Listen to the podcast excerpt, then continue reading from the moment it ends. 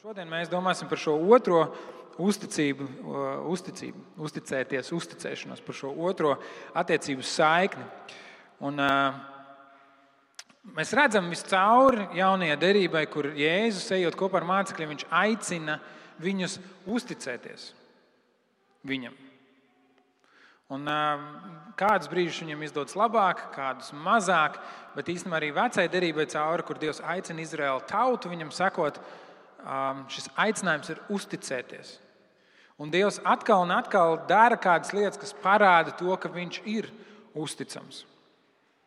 Un uzticēšanās nav tas pats, kas pazīt kādu, bet tā ir cieši saistīta ar pazīšanu. Un kā mēs pagājušajā gadā runājām, domājot par šīm attiecību saiknēm, mums ir jāparūpējās, lai ik viena šī saikne, kas ir pa labi, nebūtu augstāka par to iepriekšējo. Ja, mēs varam uzticēties tikai kādam, ko mēs pazīstam. Un uzticība, vārnīca to definē kā pārliecības sajūta par otru. Es varu tev uzticēties. Tā ir man iekšēja pārliecība, um, un tā nenāk pievērsiet uzmanību tam, un tas ies viss cauri šai svētdienai. Šī sajūta nenāk no otra cilvēka. Mana uzticēšanās sajūta nav atkarīga no otra cilvēka. Mana uzticēšanās sajūta ir atkarīga no tā, kā es redzu šo otru cilvēku. Kāda man ir bilde par viņu manā prātā. Citiem vārdiem sakot, kāds ir mans priekšstats par to cilvēku. Un jo vairāk mēs kādu iepazīstam, jo vairāk informācijas mums ir, lai šo priekšstatu veidotu maksimāli patiesu. Ja, tad, jo vairāk mēs kādu iepazīstam, jo vairāk informācijas mums ir, lai mēs varētu šo uzticēšanās priekšstatu veidot patiesu. Un, lai attiecības būtu nobriedušas, lai tās būtu veselīgas, lai tās būtu ilgstošas uzticēšanās ir ārkārtīgi svarīga. Benjamins Franklins ir teicis pirms vairāk nekā 200 gadiem: Pirms laulībām turiet acis plaši atvērtas, bet pēc tam puspievērtas. Un šodien šī svētdiena būs balstīta uz šo teicienu. Mēs vispirms apskatīsim, ko nozīmē acis turēt plaši atvērtas, kādos gadījumos mums tas ir vajadzīgs. Un svētdienas otrā pusē mēs skatīsimies, nu, kāpēc viņas tomēr ir vajadzīgs pievērt un, un ko tas nozīmē. Un viņa padoma pirmā puse attiecas uz to, kā veidojat un saglabājat priekšstatu par uzticēšanos. Iepazīšanās laikā, gan romantiskās attiecībās, vai arī biznesa attiecībās, jaunā darba vietā ar kolēģiem, jūs turat acis plaši atvērtas. Jūs vērojat, jūs skatāties, kāda ir dinamika attiecībās, kādi ir cilvēki, kā viņi izturās pret jums, kā viņi izturās viens pret otru, kā viņi izturās pret svešiniekiem. Nevēl ne, ne, ne ir tāds teiciens, ka tad, kad tu ar kādu satiecies, aiziet uz randiņu, neskaties uz to, kā viņš izturās pret tevi. Skaties, kā viņš izturās pret viesmīli vai apkopēju. Vai vēl kādu citu mazāk svarīgu, nosacītu mazāk svarīgu personāžu tajā randiņā. Neskatoties to, kā viņš jau, jau visticamāk ir aizgājis, es aizgāju uz randiņu vai pat uz biznesa pusdienām, tu vēlēsies noslēgt darījumu. Tad tas otrs cilvēks būs uzvilcis to savu labāko tēlu, tā lai viņš izskatītos labi, lai viņš tev varētu pārliecināt, ka šīs attiecības ir svarīgas. Ka biznesa līgums ir jānoslēdz, ja, kad, kad romantiskās attiecībās jums vajag iesaistīties, kļūt par pāri. Ja. Bet citi cilvēki, kas viņam mazāks, kā viņš pret tiem izturās. Ja, tad acis plaši atvērtas. Un, un, un tas ir nepieciešams, lai, lai, lai mēs maksimāli ieraudzītu šo patieso priekšstatu. Lai nebūtu tā, ka mēs pieņemam kaut ko, mums liekas, nu jā, tā jau ir. Bet patiesībā pēc kāda laika mums nāks vilties. Jo pirmo priekšstatu, pirmais priekšstats patiesībā saglabājas ļoti ilgi. Bībelē ir liela daļa no laulībām bija tādas vienošanās laulības. Tur mēs mazāk redzam no mūsdienu romantiskā stāsta par to, ka nu, viņš tur gāja, pamanīja, iemīlējās. Tas arī ir. Bet pārsvarā ļoti daudz, kur ceļš vecajā derībā laulības bija tādas, kur nu, vai nu vecāki vienojās, vai tu pat tur vienā, kur kalpu aizsūtīja un teica, atved manam dēlam sievu. Ja. Tā ir tāds vienošanās attiecības. Un skaidrs, ka mūsdienu kultūrā, vismaz rietumos, tas notiek ļoti reti. Nesen bija raksts par to, ka patiesībā pasaulē cīnās par šīm vienošanās laulībām, īpaši saistībā ar nepilngadīgiem cilvēkiem. Un tomēr ir dažādi principi, kas ir rakstos skaidri atklāti, kurus mēs spējam identificēt, kurus mums vajag identificēt un kurus vajag ņemt vērā par draudzību un partneru izvēli, īpaši laulībā. Un, uh, ir tāds varonis Simpsons, jeb citā tulkumā liekas, Samsons. Varbūt jūs esat dzirdējuši vecajā derībā. tāds vīrs ar lielu spēku un gariem matiem. Un Dievs viņu bija svētījis, tomēr uh, viņam nenoliedzami bija kādi personības trūkumi. Un viņa spēja izvēlēties un noteikt cilvēkus, kuriem var uzticēties, bija ļoti apšaubāma. Soļu grāmatā 14. un 15. nodaļā mēs varam lasīt par viņu pirmo laulību, kurā viņš diezgan nevērīgi izturējās pret savu sievu. Pēc tam 16. nodaļā mēs varam uh, runāt par viņu, saist, uh, lasīt par viņu saistību ar prostitūtu. Un tad arī 16. nodaļā vēlāk parādās kāda sieviete vārdā Delīla jeb Delaila, varbūt jums vairāk atmiņā paliek, bet Delīla. Un viņš bija iemīlējies. Ja tur ir teikts, soļu grāmatā 16,4 teikts, un pēc tam notika, ka viņš iemīlēja kādu sievu Soreks ielā, un viņas vārds bija Delīla. Viņš bija iemīlējies. Un iemīlēšanās ir skaista, ļoti skaista lieta, bet ārkārtīgi bīstama. Jo pie viņas šīs delīles atnāca filistieši, lielkunga un filistieši bija tautas ienaidnieki tajā laikā. Un sacīja viņai, pierunātu viņu, lai viņš parāda, kur viņam slēpjas viņa lielais spēks. Un kā mēs viņu varētu pieveikt un saistīt, lai viņu pārvarētu. Tad mēs ik viens tev dosim tūkstošus un simtus sudraba gabalus. Un šis stāsts beidzas ar to, ka viņi nodod Simpsonu. Un ka viņš pēc tam paliek akls, viņš zaudē dzīvību. Un Simpsons viņš zināja, vairāk kārtīgi zināja, ka viņš nevar viņai uzticēties. Viņš vairāk kārtīgi viņu bija pieķēris centienos izkrāpt no viņa šo gudrību. Un tomēr Simpsons gribēja ticēt viņai. Viņš bija iemīlējies. Šī iemīlēšanās lika viņam saskatīt to, ko viņš gribēja redzēt nevis to, kas bija realitātē. Un šis tēls, kas, kas bija viņa prātā par šo delīlu, šī, šī, šī savā ziņā naivā uzticība, neatbild realitātei. Izrādās, ka delīla bija krāpniece.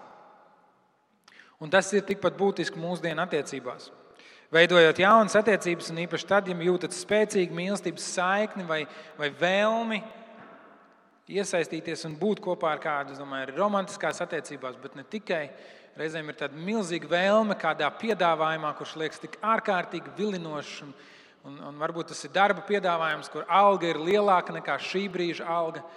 Un kādas citas lietas, kas tev liek pievērt acis uz to, ka varbūt jaunajos pienākumos tu nevarēsi līdz galam īsti būt godīgs. Varbūt jaunajā situācijā tev nāksies iziet uz kompromisu atkarībā no tā, kas tev ir jādara. Tev nāksies pārkāpt kādiem saviem principiem. Un viegli ir, tā, ka mēs esam ieinteresēti, tā, ka mēs esam iemīlējušies, tā, ka mūsu velk, tad ir viegli atstāt novārtā dažādas brīdinājuma zīmes. Un mēs savā veidā uzpūšam to uzticēšanos, mēs, mēs iedodam savu uzticēšanos kredītā. Ja, un, un tie, kas ir bijuši tajās reizēs, kad mēs mācām arī par, par atbildīgu finanšu, finanšu rūpēm, tad, tad, tad mēs aicinām jūs tikt vaļā no kredītiem. Ar izņēmumu varbūt ir hipotekārais kredīts. Nedzīvot kredītā, un tāpat arī attiecībās ir svarīgi, ka mēs nedzīvojam kredītā, mēs neskrienam pa priekšu, mēs nemēģinām panākt kaut ko ātrāk, nekā tam būtu jānāk. Un tieši tāpēc ir šis teiciens, mīlestība ir akla. Esat dzirdējuši? Ne? Iespējams, esat piedzīvojuši. Un randiņu un attiecību pieredzē mīlestība ir akla galvenokārt tāpēc, ka mēs par ātru iesaistamies. Kā jūs teicat, mēs dodam šo kredītu, mēs, mēs steidzamies uz priekšu. Un, um, mēs tās tukšās vietas, tos iztrūkstošos puzles gabaliņus savā prātā aizpildām ar savām iedomām. Un mēs neveltam laiku, lai patiesi iepazītu šo otru attiecību partneri pavadot pietiekamu laiku, uzdodot sarežģītus jautājumus, esot tādā vidē, kas mums ļauj ieraudzīt viņu patieso seju. Jo es īsti nezinu, kāds ir cilvēks, kamēr neredzu viņu saspringtās attiecībās, vai es neredzu viņa attiecības ar Dievu un, un viņa ticību viņa ikdienā. Es neredzu, kāds viņš ir attiecībās ar ģimeni un draugu lokā, kāds viņš ir tad, kad neviens viņu neredz kā viņš izturās jau pret pieminētiem apkopējiem, um, viesmīļiem un citiem cilvēkiem, kas tajā brīdī nedod viņam nekādu tiešu pienesumu vai ieguvumu. Un es pieļauju, ka Dievs mērķiecīgi ļauj mums piedzīvot šo iemīlēšanos. Tas nav kaut kas nepareizs vai ļauns vai ārpus, ārpus realitātes. Dievs ļauj mums tādām viegli rozām, nu, dažreiz spilgti rozām, tādām rozā brillēm raudzīties vienam uz otru. Jo, ja mums šīs brilles nebūtu vispār, tad iespējams mēs līdz galam viens otru nepieņemtu. Ja mēs uzreiz redzētu viens otru skaidri, mums nebūtu tādas drosmes uh, ielikt attiecībās. Es pieļauju, ja mana sieva man pazītu, uh, 12 gadus atpakaļ, tā kā viņi man pazīst tagad, viņi droši vien domātu vēl divreiz rūpīgāk tajā brīdī, kad es viņu aicināju kļūt par savu sievu. Tam ir savs nodoms. Tam ir šī, šī ideja par to, ka mēs, mēs, uh, mēs nemēģinām uzbūvēt savā prātā perfektu bildi. Un mūsu ekspektācijas nav perfektas, jo Dievs zina, ka šī pasaule nav perfekta. Un neviens no mums nav pilnīgs, un neviens no mums nav ideāls. Un mēs ideāli cilvēku nekad neatradīsim. Un tāpēc reizēm mums vajag šīs, šīs rozā brilles, bet mums ir jāatzīst, ka mums viņas ir. Mums ir jāatzīst, mums ir jāsaprot, kādā attiecību posmā mēs esam un kas ir tas, kā mēs viens uz otru skatāmies. Līdzīgi kā mums, kristiešiem, ir jāatzīst, ka mums ir šīs ticības brilles, caur kurām mēs skatāmies uz šo pasauli. Un cik, tad, cik tad daudz laika ir nepieciešams, lai mēs cilvēku iepazītu, līdz tas ir droši? Līdz ir droši uzticēties. Nu, kad, kad, ir tā, kad ir tā robeža, kad es varu teikt, nu, nu es esmu pietiekami viņu iepazīt? Pareizā atbilde ir tā, ka nekad. Lai iepazītu cilvēku, tur ir vajadzīgs viss mūžs, jo mainās gan apstākļi, kuros tu viņu redzi, gan mainās pats cilvēks gan arī ir dažādas lietas, ko cilvēks varbūt pats par sevi nemaz nezina, līdz viņš nonāk kādos noteiktos apstākļos. Redzi, manai, man, redziet, manai sievai nebija nekādas iespējas uzzināt, kāds es esmu kā tēvs, līdz brīdim, kad mēs apprecējāmies. Ja mēs vēlamies sekot tam, kā Dievs ir nolicis šo kārtību laulībā, Viņi varēja man novērot ar citiem bērniem, kā es izturos pret, pret citiem bērniem, bet ar citiem bērniem ir viegli. Ja tur viņam paspēlējies, pasmējies, padauzies, eh, parūpējies, un tad viņi sadod vecākiem. Viss ir brīnišķīgi. Un ir kaut kādas lietas, kur, kur mēs turpinām viens otru iepazīt. Bet Džons uh, Van Eps, kas ir arī šīs sērijas eh, materiāla lielākā daļa autors, viņš saka, ka ir tāds termins kā 90 dienu pārbaudas laiks. Ja tad apmēram 3 mēneši. Jo apmēram pēc trim mēnešiem sāk parādīties kaut kas jauns un kļūst redzami cilvēka paradumi. Nevis vienkārši nu, ir, nevis, nevis sāk parādīties kaut kas jauns, bet sāk lietas atkārtoties. Un tu redzi cilvēka paradumus. Jo vienmēr ir tāds, nu, varbūt viņš tikai šoreiz tā asi pateica. Varbūt viņš tikai šoreiz to, to, tos trauks vienkārši nomet un sagaidīja, ka viņa vietā viņš nu, tos iztīrīs. Varbūt tikai šoreiz viņš to papīrīt nomet zemē, bet īstenībā viņš jau ir tāds kārtīgs. Tad, varbūt tikai šoreiz. Un pēc šīm 30, pēc šīm 90 dienām sāk atkārtoties, sāk parādīties paradumi. Sāk parādīties kaut kāds raksturs, un tad jūs sākat iepazīt īsto personu, nevis tikai to tēlu, kas bija jūsu prātā, un, un, un, un tie attaisnojumi, ko jūs savā prātā izdomājāt. Viņi, viņi vai nu attaisnojās, vai nu parāda to, ka jūs tomēr bijāt kļūdījušies. Vēl pastāv versija, ka principā ir vajadzīgs apmēram gads lai iepazītu cilvēku. Tādās pietiekami tuvās attiecībās. Es nedomāju, gads, piemēram, ka jūs satiekaties četras gadā, ja ik pa trim mēnešiem.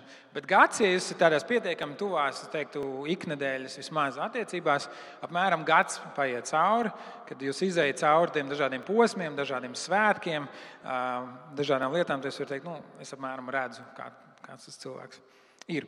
Bet tas noteikti ir atkarīgs no apstākļiem. Ir skaidrs, ka kaut kādos ekstrēmos apstākļos mēs iepazīstam cilvēku daudz ātrāk. Tāpēc, kad kaut kāds spiediens no ārpuses liek iznākt tai patiesai cilvēku dabai, ja, kad ir kaut kāds spiediens, risks, grūtības, izaicinājumi, mēs redzam vairāk. Tāpēc, ja jūs kādu gribat iepazīt, ejiet kopā pārgājienos, ceļojiet ar cilvēkiem kopā. Tur jūs iepazīsiet cilvēku. Ja, kad kaut kādā diskomfortā, kur cilvēks ir, vai viņš ir čīkst un pīkst un nevar izturēt, vai tomēr viņš ir tāds, kurš uzņemas un dara un, ja, kaut kādi ār, ārēji papildus apstākļi. Tad uzticēšanās, ja turiet acis plaši atvērtas, tad, kad jūs mācāties par cilvēku. Un arī par Dievu. Mēs teiktu, nē, uzticies Dievam, izskam, bet mēs varam dot Dievam laiku sev pierādīt. Tā ir gudra lieta. Kāds teiks, nē, tas ir ticības trūkums. Bet būsim reāli. Mēs esam runājuši kādas reizes, kad cilvēkiem ir dažādi priekšstati par Dievu. Cilvēkiem ir dažādi priekšstati par kristietību. Cilvēkiem ir dažādi priekšstati par baznīcu. Un kādi no jums ir uzauguši mīlošās kristīgās ģimenēs? Un jūsu priekšstats vienmēr ir pozitīvs, bet kādi no jums ir uzauguši kristīgās ģimenēs, kur cilvēki bija ārkārtīgi nejauki viens pret otru? Kādi, jūs, kādi no mums ir uzauguši ģimenēs, kur uh, kristietība nebija par pamatu bērnībā, audzināšanā? Un tad mūsu priekšstats, tas mūsu tēls par Dievu, arī viņš nav pilnīgs. Un ir pilnīgi saprotami, ja mēs sakām, Dievs Par sevi domāju, Dievs, es gribu tevi iepazīt, lai es varu tev uzticēties. Dievs nereiz vien Bībelē saka, pārbaudiet mani. Pārbaudiet mani. Dievs nebaidās no izaicinājuma. Bet arī mūsu attiecībās ar citiem cilvēkiem, kad mēs runājam ar viņiem par Dievu, mēs varam dot viņam laiku, mums vajag dot viņam laiku. Jo viņu priekšstati par Dievu ir dažādi. Un mēs varam būt patiesībā priecīgi, ja mēs redzam, ka šie cilvēki tur acis plaši atvērts, ka viņi uzdod grūtus jautājumus. Viņi saka, jā, bet kā ar šo? Un kā ar šo? Bet kāpēc tur tā ir teikts? Un kāpēc jūs tādas naudas tur ziedojat baznīcā? Un, un dažādas citas lietas mēs varam, mēs varam būt atklāti un stāstīt. Un norādīt uz Dievu un ļaut, lai Dievs sevi atklāj. Tad turiet acis plašas atvērtas.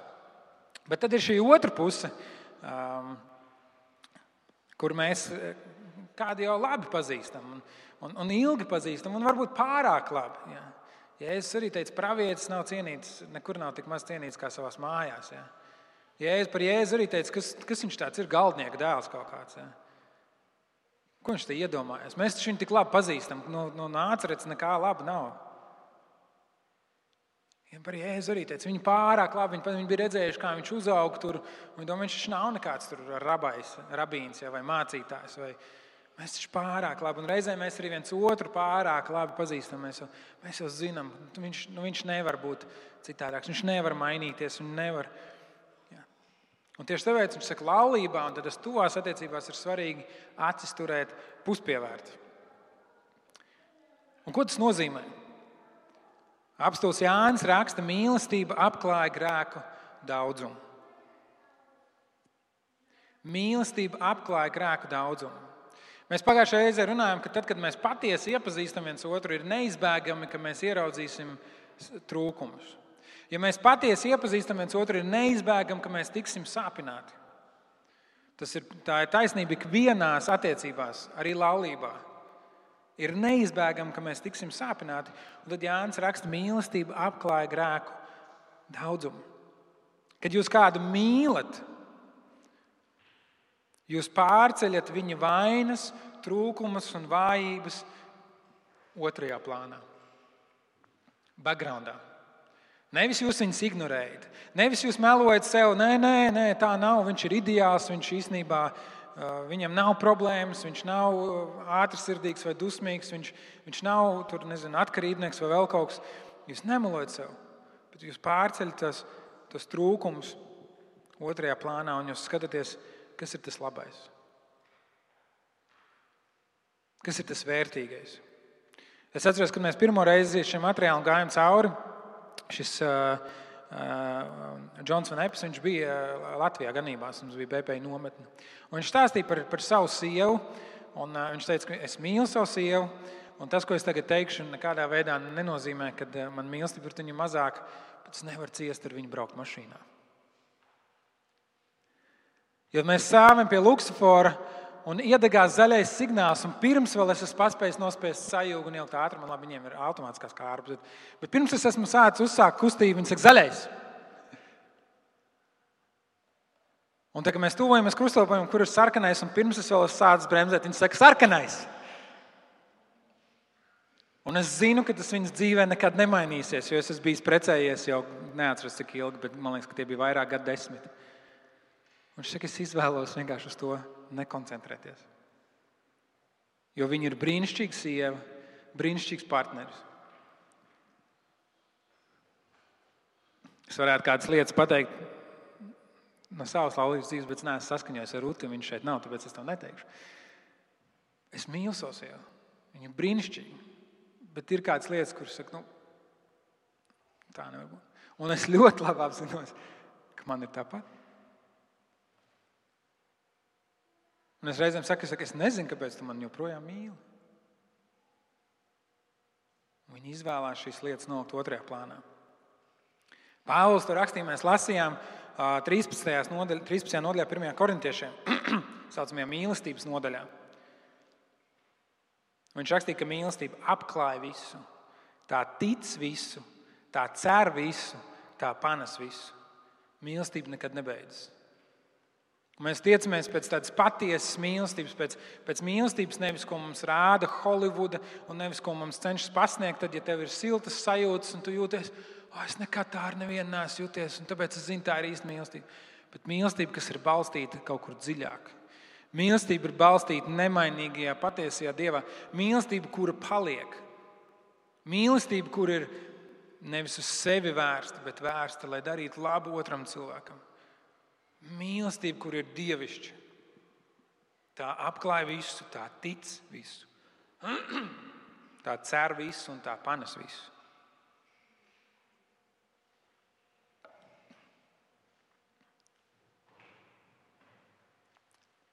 Jūs pamanījāt vārdu visu?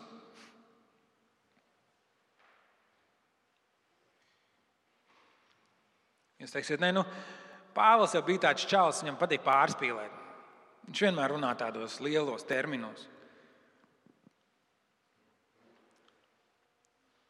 Bet es domāju, ka šajā gadījumā tas ir tieši tas, ko viņš grib pateikt. Patiesa mīlestība ir nedaudz ekstrēma. Patiesa mīlestība ir nedaudz dīvaina. Patiesa mīlestība ir nedaudz radikāla. Patiesa mīlestība ir tāda, kur apkārtēji cilvēki saka, no, nu, ko tu dari? Kāpēc? Kāpēc tu viņam piedod, kāpēc tu viņu pieņem, kāpēc tu vispār ar viņu sarunājies? Viņš tev nodarīja to, viņš tev nodarīja šito. Patiesa mīlestība ir nedaudz, nedaudz dīvaina. Viņš saka, ka mīlestība tic visu, ja mīlestība uzticas.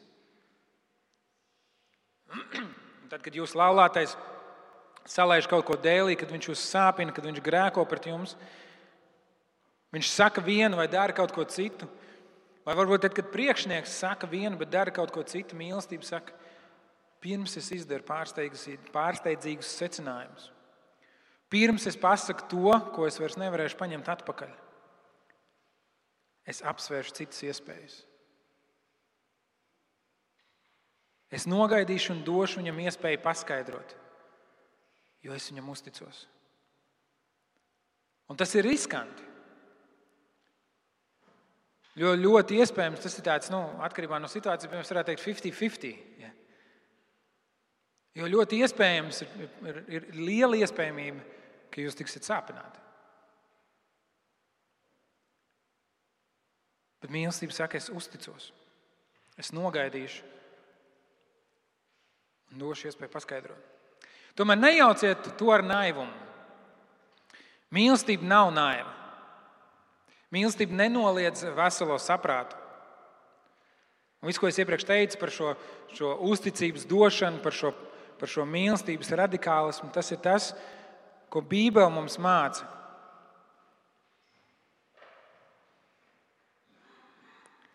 Apostols Pāvils vēstulē Filipiešiem pirmajā nodaļā raksta, un to es lūdzu, lai jūs mīlestība vienmēr ir pāri plūzdam, pieaugtu visā atziņā un izjūtā. ka jūs svarīgāko pārbaudat, lai Kristus dienā būtu tīri un nevainojami. Un ticība labākajam, kas ir otrā cilvēkā. Angļu valodā šis teiciens benefit of the doubt. Es nezinu, kā latviešu viņu iztulkot. Bet, kad tu cilvēkam, kur tu mīli, tu, tu dod viņam mazliet telpas kļūdīties. Bet tas neizslēdz objektīvu spriedzspēju, tas neizslēdz briedumu, tas neizslēdz viedumu. Tas, ka mēs noliekam šīs, um, šos trūkumus um, aizmugurē, otrajā plānā un skatāmies uz labajām lietām, nenozīmē, ka mēs šos trūkumus ignorējam. Tas nenozīmē, ka mēs ļaujam sev bradāt pāri, kāpt uz galvas. Tas nenozīmē, ka mēs akli sakam, nē, viņš varbūt man iesita, bet, bet, bet viņš, viņš ir tik labs un viņš man tā mīl. Mēs šīs lietas ceļam gaismā.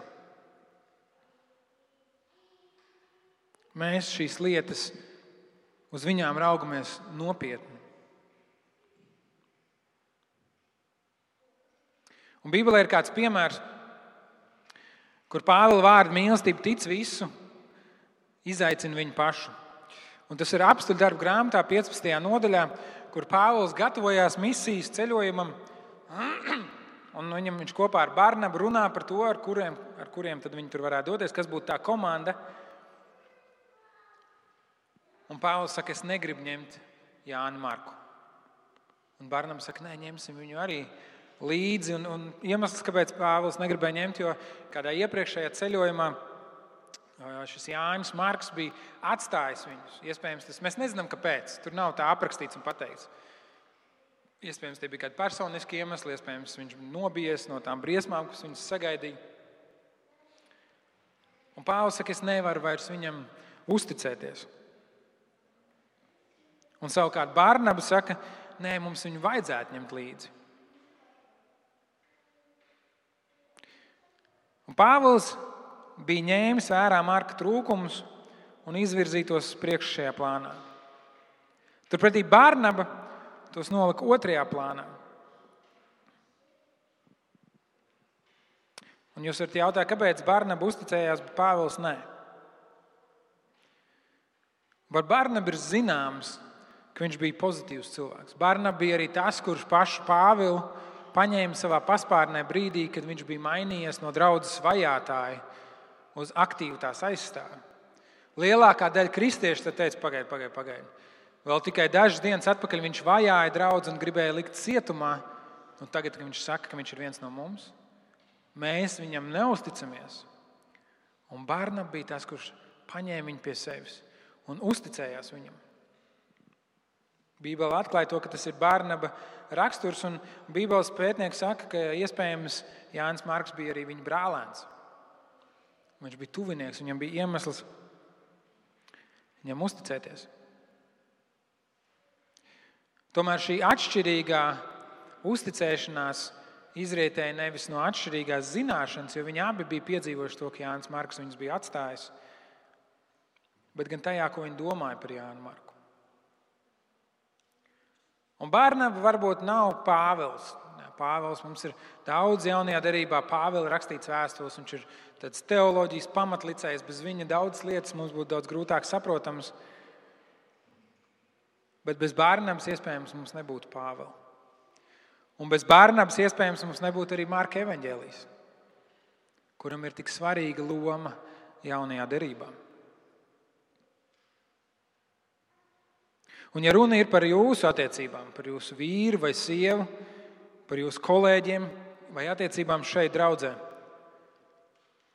kas ir tās īpašības, kuras jūs izvirzat priekšplānā? Un kas ir tās lietas, uz kurām jūs skatāties ar puspievērtām acīm?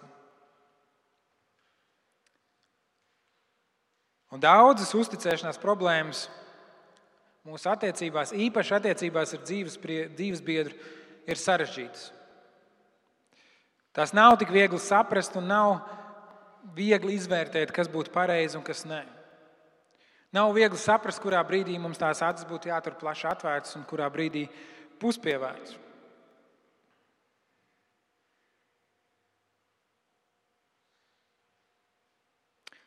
Tomēr to, kas nosaka mūsu rīcību,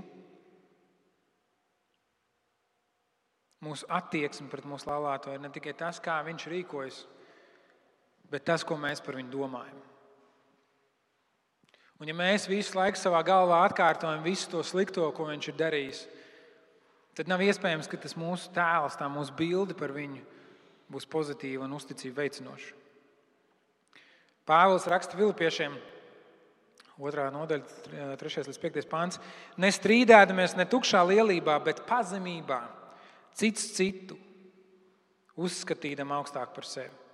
Cits citu, savu dzīves biedru, savu dēlu, savu meitu, savu mammu, savu tēvu, savu draugu, savu brāli vai māsu, Kristu šai baznīcā. Uzskatīdam augstāk par sevi, neraudzīdamies katrs uz savām, bet arī uz citu vajadzībām. Savā starpā turiet tādu pat prātu, kāds ir arī Kristu Jēzu spēcīgām attiecībām, kas iztur laika pārbaudi. Laulībām, kas ne tikai paliek nešķirtas, bet kuras aug un veidojās un ir laimīgas. Ģimenēm, draugiem, kur vēlās būt patiesi tuvi un pazīt viens otru, ir nepieciešama uzticēšanās.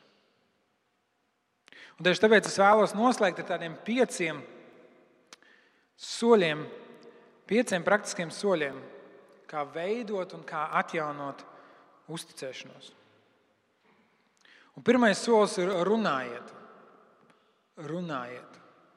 Nepieņemiet, ka lietas ir pašas par sevi saprotamas. Īpaši laulībā mēs varētu daudz runāt par to, no kuras planētas ir kurš un kā domā kurš, bet ir skaidrs, ka vīrietis nav sieviete.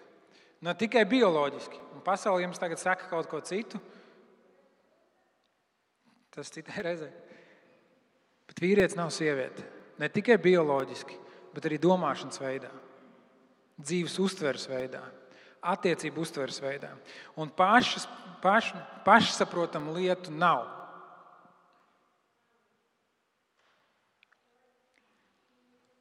Komunikācija ir viens no svarīgākajiem faktoriem, lai izveidotu šo uzticēšanos. Un ir izaicinājums. Un tāpēc ir, aicin... ir izaicinājums reizēm teikt to, ko mēs domājam. Bet neko nenoklusējiet. Kad jums ir kaut kas sakāms otram cilvēkam, dariet to. Necentieties noslēpt problēmas tikai tāpēc, ka tās ir sarežģītas vai tās prasa spēku un enerģiju risināt. Esiet gudri, kurā brīdī ko teikt. Saprotiet, kam jūs ejat cauri, un ir lietas, kuras var pagaidīt. Bet runājiet viens ar otru.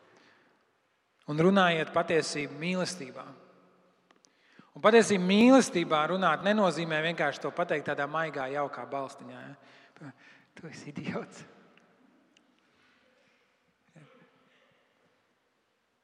Patiesībā runāt mīlestībā nozīmē, ka jūs mēģināt iesaisties otru cilvēku kurpēs un padomājat, ja man kāds to pateiktu, kā tas liktu man justies, kā tas liktu man rēģēt. Patiesībā sakot, mīlestībā jūs to sakat nevis lai uzvarētu kaut kādā strīdā vai kaut kur, bet tāpēc, lai izlīdzinātu. Patiesība teikt mīlestībā nozīmē nevis tāpēc, lai kādam parādītu, cik gudrs patiesībā jūs esat, bet lai paceltu otru cilvēku. Patiesība pateikt, tā mīlestība vairāk izpaužas tajā attieksmē.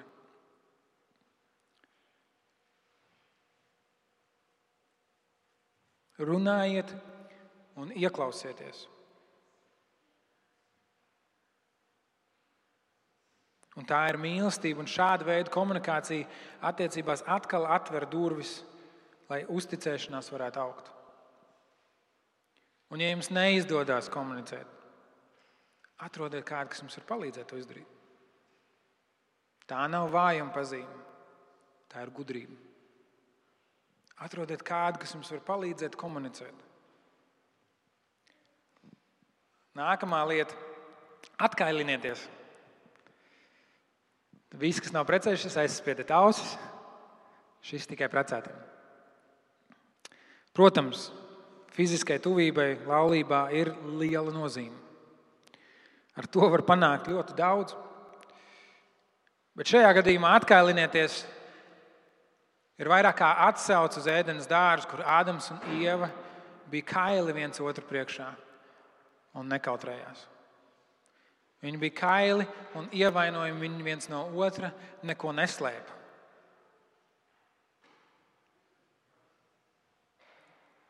Tā ir viena no, no, viena no tādām grūtākajām lietām, bet viena no, man liekas, tādām būtiskākajām lietām attiecībās, jo īpaši laulībā, ka jums abiem ir piekļuve otra cilvēka dzīvēm. tas ir bailīgi. Jo tad, kad mēs esam kaili kāda priekšā, mēs esam ļoti ievainojami. Mums var viegli nodarīt pāri. Tomēr viena no svarīgākajām attiecību jomām ir tieši šī atklātība, apusēja došana un ņemšana. Un noslēpumi, ja patiesības noklusēšana, var būt bīstama attiecībām, nāvējoša, īpaši laulībā. Un, lai šī uzticēšanās būtu, mums jātiecās par to, ka mēs varam būt viens pret otru atklāti. Jūsu laulātam ir jābūt atslēgai uz katru jūsu dzīves daļu. Es nesaku to, ka jums vairs nekam nav jābūt savam. Kā daži pārpratuši, un, ja jūs esat kristīgā laulībā, jums obligāti jābūt kopīgam sociālo tīklu profilam. Bet tajā pat laikā manā telefonā manā datorā Facebook visu laiku ir atvērts. Un, ja Rūta grib kaut ko redzēt, viņa to var darīt. Mūsu dēls ir tādā vecumā, kur mēs viņam pateikuši, ka tev šobrīd vēl nav tiesības uz pilnīgu privātumu. Un, ja tu vēlies lietot mobilās ierīces, mums ir tiesības tev uzdot jautājumus par to, kādu saturu tur skaties. Ja? Un viņš arī zina, ka viņi ir sajūgti, un es principā redzu, ko dara.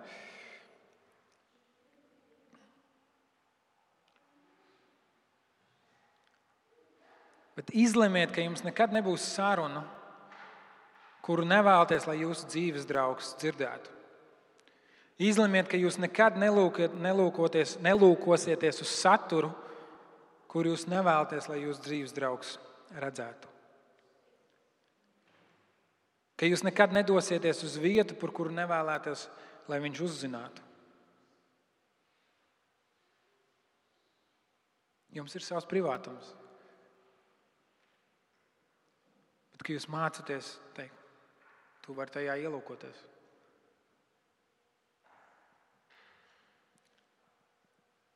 Attiecībās abām pusēm ir jāsniedz vienlīdz liels ieguldījums, atvērtība un atklātība. Un tas prasa laiku. Tas prasa nodošanos, tas prasa drosmi. Un bieži vien tas prasa tādu izmisīgu lūgšanu Dievu priekšā. Un šeit mums, kristiešiem, ir priekšrocība. Jo mums ir mūsu dabas tēvs, kurš mūs zina pilnībā. Līdz katram sīkumam, un viņš mūs mīl. Viņš mūs ir pieņēmis, viņš par mums savu dēlu ir devis. Nav nekas tāds, ko mēs no viņa varētu noslēpt, un viņš mūs mīl. Šī patiesība dod mums drošību būt kailiem viens otru priekšā. Nākamā lieta - piedodiet. Kā jau es iepriekš runāju, nav iespējams izvairīties no sāpēm nevienās attiecībās. Ja jūs gribat patiesi īstas, dziļas attiecības, jūs tiksiet sāpināti.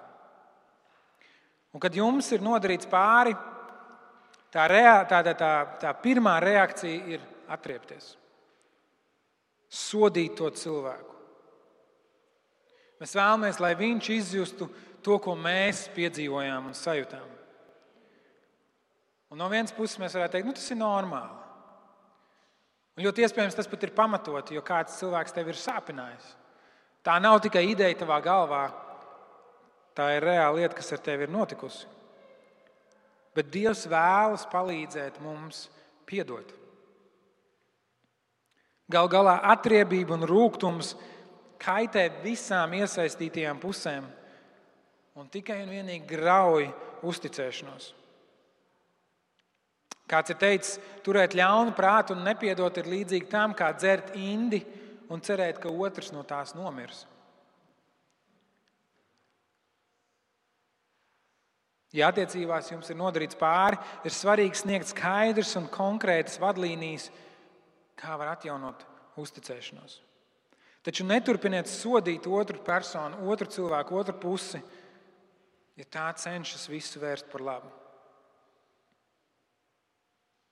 Vēstulē Efeziešiem 4. nodaļā Pāvils raksta, ka katrs rūkums, ātrsirdība, dusmas, bāršanās un zaimi, vispār katra ļaunprātība, lai ir tālu no jums.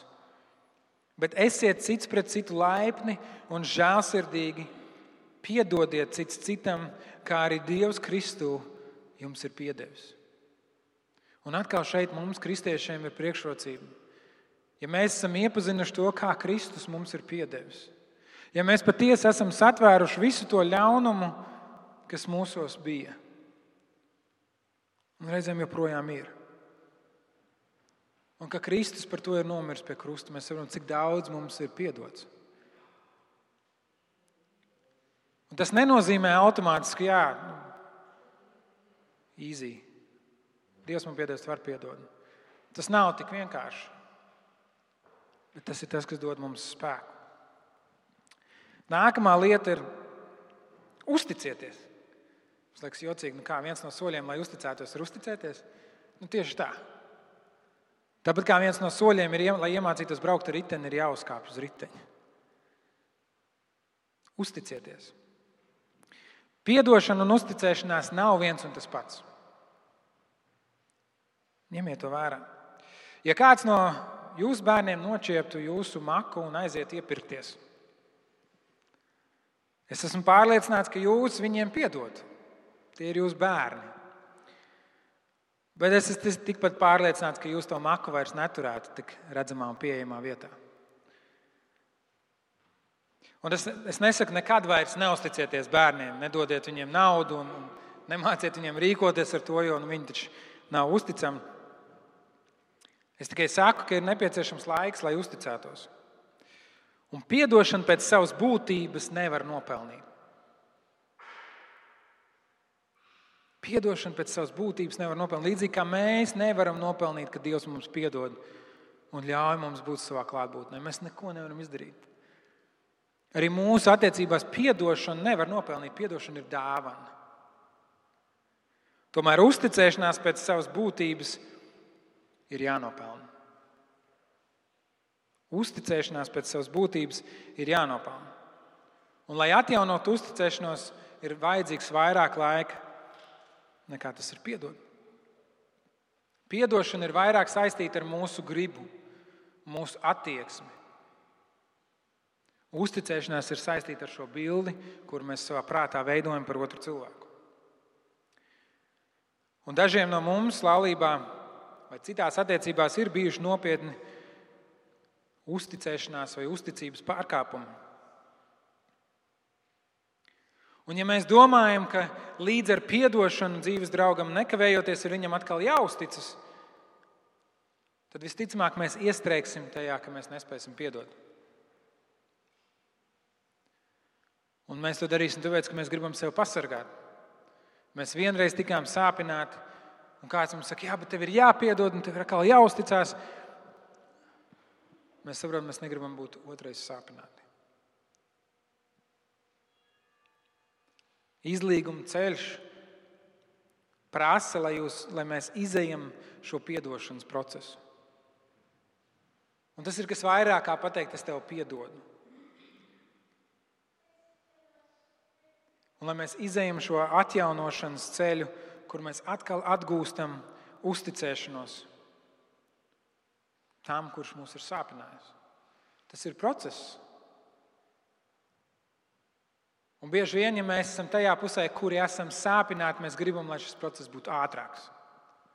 Ja mēs esam nodarījuši kādam pāri, mēs gribam, lai mēs ātrāk atgriežamies tur, kur mēs bijām, jo es taču nožēloju. Es patiesi nožēloju, man ir žēl tajā, ko es izdarīju. Un tu taču teici, ka tu man piedevi, tad kur ir problēma? Problēma ir tajā, ka uzticēšanās prasa, kad mēs atkal atjaunojam to savu tēlu par šo otru cilvēku. Un kāda no mums pieļauj kļūdu pārāk ātri, atkal uzticoties?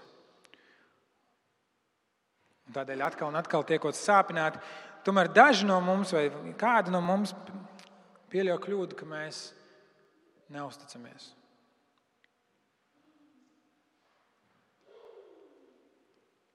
Jo tā ideja, vai tā bilde, vai tā, tā vēlme, kādai tai bildei būtu jābūt, ir pārāk perfekta. Un neviens, ne mūsu laulātais, ne mūsu bērni, ne vecāki nespēja atbilst tam, ko mēs savā prātā esam uzzīmējuši. Un tāpēc, lai jūsu uzticēšanos caurvīja žēlastība. Un tas nenozīmē, ka jūs ignorējat un pievarat acis uz tām potenciālajām briesmām vai tām uh, sliktajām īpašībām šajā cilvēkā. Tā vienkārši ir izvēle nolikt to labo kas šajā cilvēkā ir priekšplānā. Fokusējoties uz to, un tad, kad ir pareizais brīdis, mēs varam runāt par to, kas ir otrajā plānā. Un visbeidzot, nepadodieties.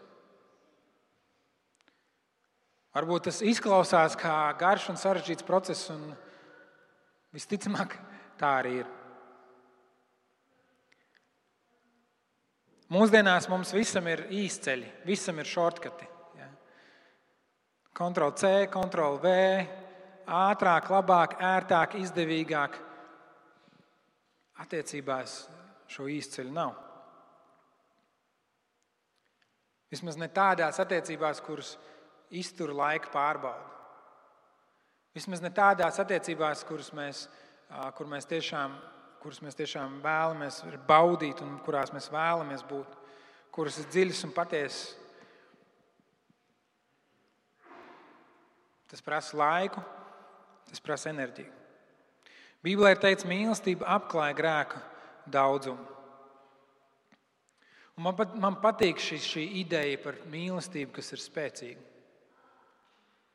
Par mīlestību, kas nav kā tāds mākonīts ar smaržām, kur tie viens forši smaržo. Un tad ar laiku viņš izsplēna vai izgaist. Bet par mīlestību, kurai ir spēks, par mīlestību, kur ir stipra, par mīlestību, kur iet cauri vētrām, par mīlestību, kur pastāv ilglaicīgi, par mīlestību, kurai ir pamats. Mīlestība, kur spēj nosegt mūsu nepilnības, kur spēja aizpildīt mūsu salauzto, salauztās sirdis un, un tos trūkumus, kas ir šajos mūsu attēlos par otru cilvēku. Un tāpēc nepadodieties. Mēs mīlam, jo Viņš mūs pirmais ir mīlējis. Kad mūsu mīlestība šķiet pārāk maza, un pārāk vāja un pārāk trausla, tad mēs varam raudzīties uz Dieva mīlestību kur Jēzus ir pie krusta. Un viņš to panes un viņš to iztur. Un viņš augšām ceļas. Un viņš atjauno savu mācekļu uzdevumu. Mācekļi, kuri nebija uzticami, kuri viņu pievilka, kuri viņu aizbēga, kur pat viens no viņiem nodeva viņu, un arī Pēters lamā, lamājoties saka, es viņu nepazīstu. Tā ir Kristus mīlestība. Mūsu dzīvē ir apsolīts svētais gars, kas dod mums spēku. Tad, kad mums spēka nav. Un mūsu mīlestība ir nepilnīga, bet Dieva mīlestība ir pilnīga. Un mēs varam nākt viņa klātbūtnē un lūgt Dievs atjaunot to, kas ir salauzts dziedini to, kas ir, ir, um, ir sāpīgs. Un dod man spēku mīlēt tā, kā tu mīli. Atcerieties, ko rakstīja apustulis Pāvils. Mīlestība panes visu, uzticas visam, tā cer uz visu un iztur visu.